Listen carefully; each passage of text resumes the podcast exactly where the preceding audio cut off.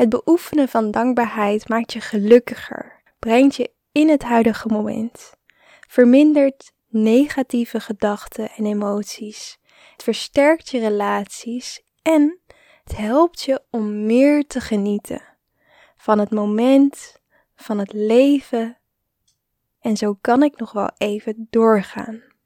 Ik merk zelf echt de enorme kracht van dankbaarheid. En in deze podcastaflevering deel ik hele mooie manieren met je, waardoor jij hopelijk ook extra nog de kracht hiervan gaat ervaren. Januari die wordt door heel veel mensen als de meest sombere maand van het jaar ervaren. En daarom vind ik dit ook een mooi moment voor deze podcast. Want dankbaarheid, dat zorgt ervoor dat je focus hebt op wat je wel hebt, wat er wel is. En ik merkte zelf dat ik in december wat meer de focus legde op wat er niet is, wat er niet liep. Ik focuste meer op de niet. Maar wat je aandacht geeft, dat groeit. En ik voelde zelf heel erg dat ik dus ja, even uit die spiraal, uit die focus wilde stappen. Dus eind december maakte ik daarom drie afspraken met mezelf. En één daarvan was het dagelijks of is het dagelijks beoefenen van dankbaarheid. Ik geloof dat je vaak precies weet wat je nodig hebt, maar dat het het tot uitvoering brengen vaak ietsje lastiger is. Dus vandaar dat ik dus die liefdevolle afspraken met mezelf maakte. En trouwens, als je dit in een andere maand luistert, iedere maand, iedere dag van het jaar is een perfect moment om dankbaarheid te beoefenen. En ik begin even met de meest bekende en populaire manier, en dat is het schrijven in een dankbaarheidsdagboekje. Elke ochtend, of nou ja, bijna elke ochtend, schrijf ik drie dingen op waar ik me dankbaar voor voel. En daarbij blik ik vaak nog even terug, of eigenlijk altijd blik ik terug naar de dag ervoor. Wat vond ik fijn aan deze dag? En ook schrijf ik nog even een geluksmomentje op. En de ene dag moet ik hier wat langer over nadenken en in de andere dag komt er gelijk iets in me op. Maar ik merk echt dat het superveel met me doet om dit dagelijks te doen. En dat je, ja, dat ik echt een soort van, van perspectief verander. Ook als een dag niet helemaal loopt zoals je zou willen. Het is echt een soort verleggen van je focus. Ook stel je zou elke dag hetzelfde opschrijven, is alsnog dat je focus daar naartoe gaat en dat je er even bij stilstaat. Als je trouwens niet uh, wil opschrijven bijvoorbeeld, zijn er ook hele fijne apps. En uh, ik raad zelf hiervoor de app Presently aan. En voor het slapen gaan is het ook een heel mooi moment. Niet om je mobiel erbij te pakken, maar om in je hoofd even een aantal vragen aan jezelf te stellen. Waar voel ik me vandaag nou dankbaar voor? Wat was fijn? Het is ja, een hele mooie manier dus om je dag mee af te sluiten. Want hiermee voed je dus ook je onderbewustzijn met ja, positieve zaadjes om in de nacht verder te laten groeien. En ja, dat vind ik gewoon een heel mooi idee. En die dag dat ik nou die drie afspraken met mezelf ging maken, sloeg ik het manifestatiedagboek open van Willem en Welte. En de pagina die ik opensloeg was een oefening. En die oefening was het maken van een dankbaarheidsdoosje. En ik dacht, ja, ik ga dit gelijk maken. Dus ik zocht een mooi doosje. Ik dacht, ik ga iets verven of, of plakken met iets. Maar ik vond toevallig al een heel mooi doosje dat van zichzelf al heel mooi was. Dus toen ben ik op zoek gegaan naar kaartjes, naar tekstjes, naar objecten, foto's, die voor mij iets symboliseren waar ik dankbaar voor ben. Een mooie herinnering, een relatie, een gevoel. En het is een heel fijn doosje geworden die nu op een mooi plekje staat.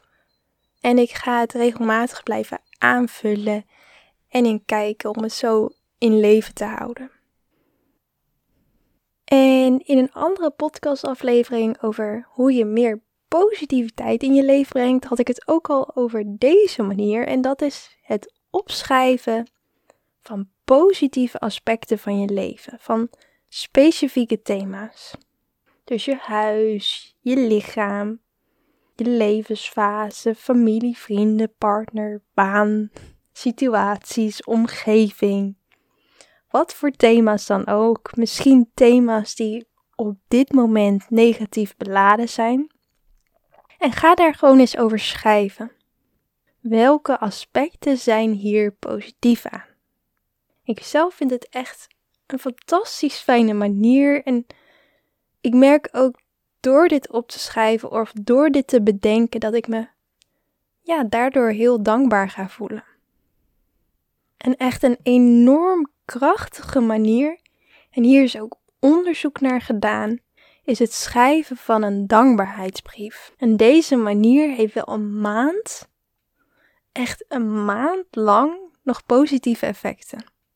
En die dankbaarheidsbrief die schrijf je dus aan iemand die heel veel voor jou heeft betekend. Die iets heeft gedaan voor jou wat zo'n ja, positieve invloed heeft gehad op jouw leven.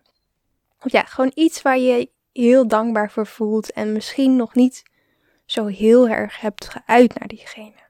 En dat kan iets zijn ver uit het verleden, maar ook iets wat nu speelt. Het heeft sowieso al heel veel effect om deze brief te schrijven.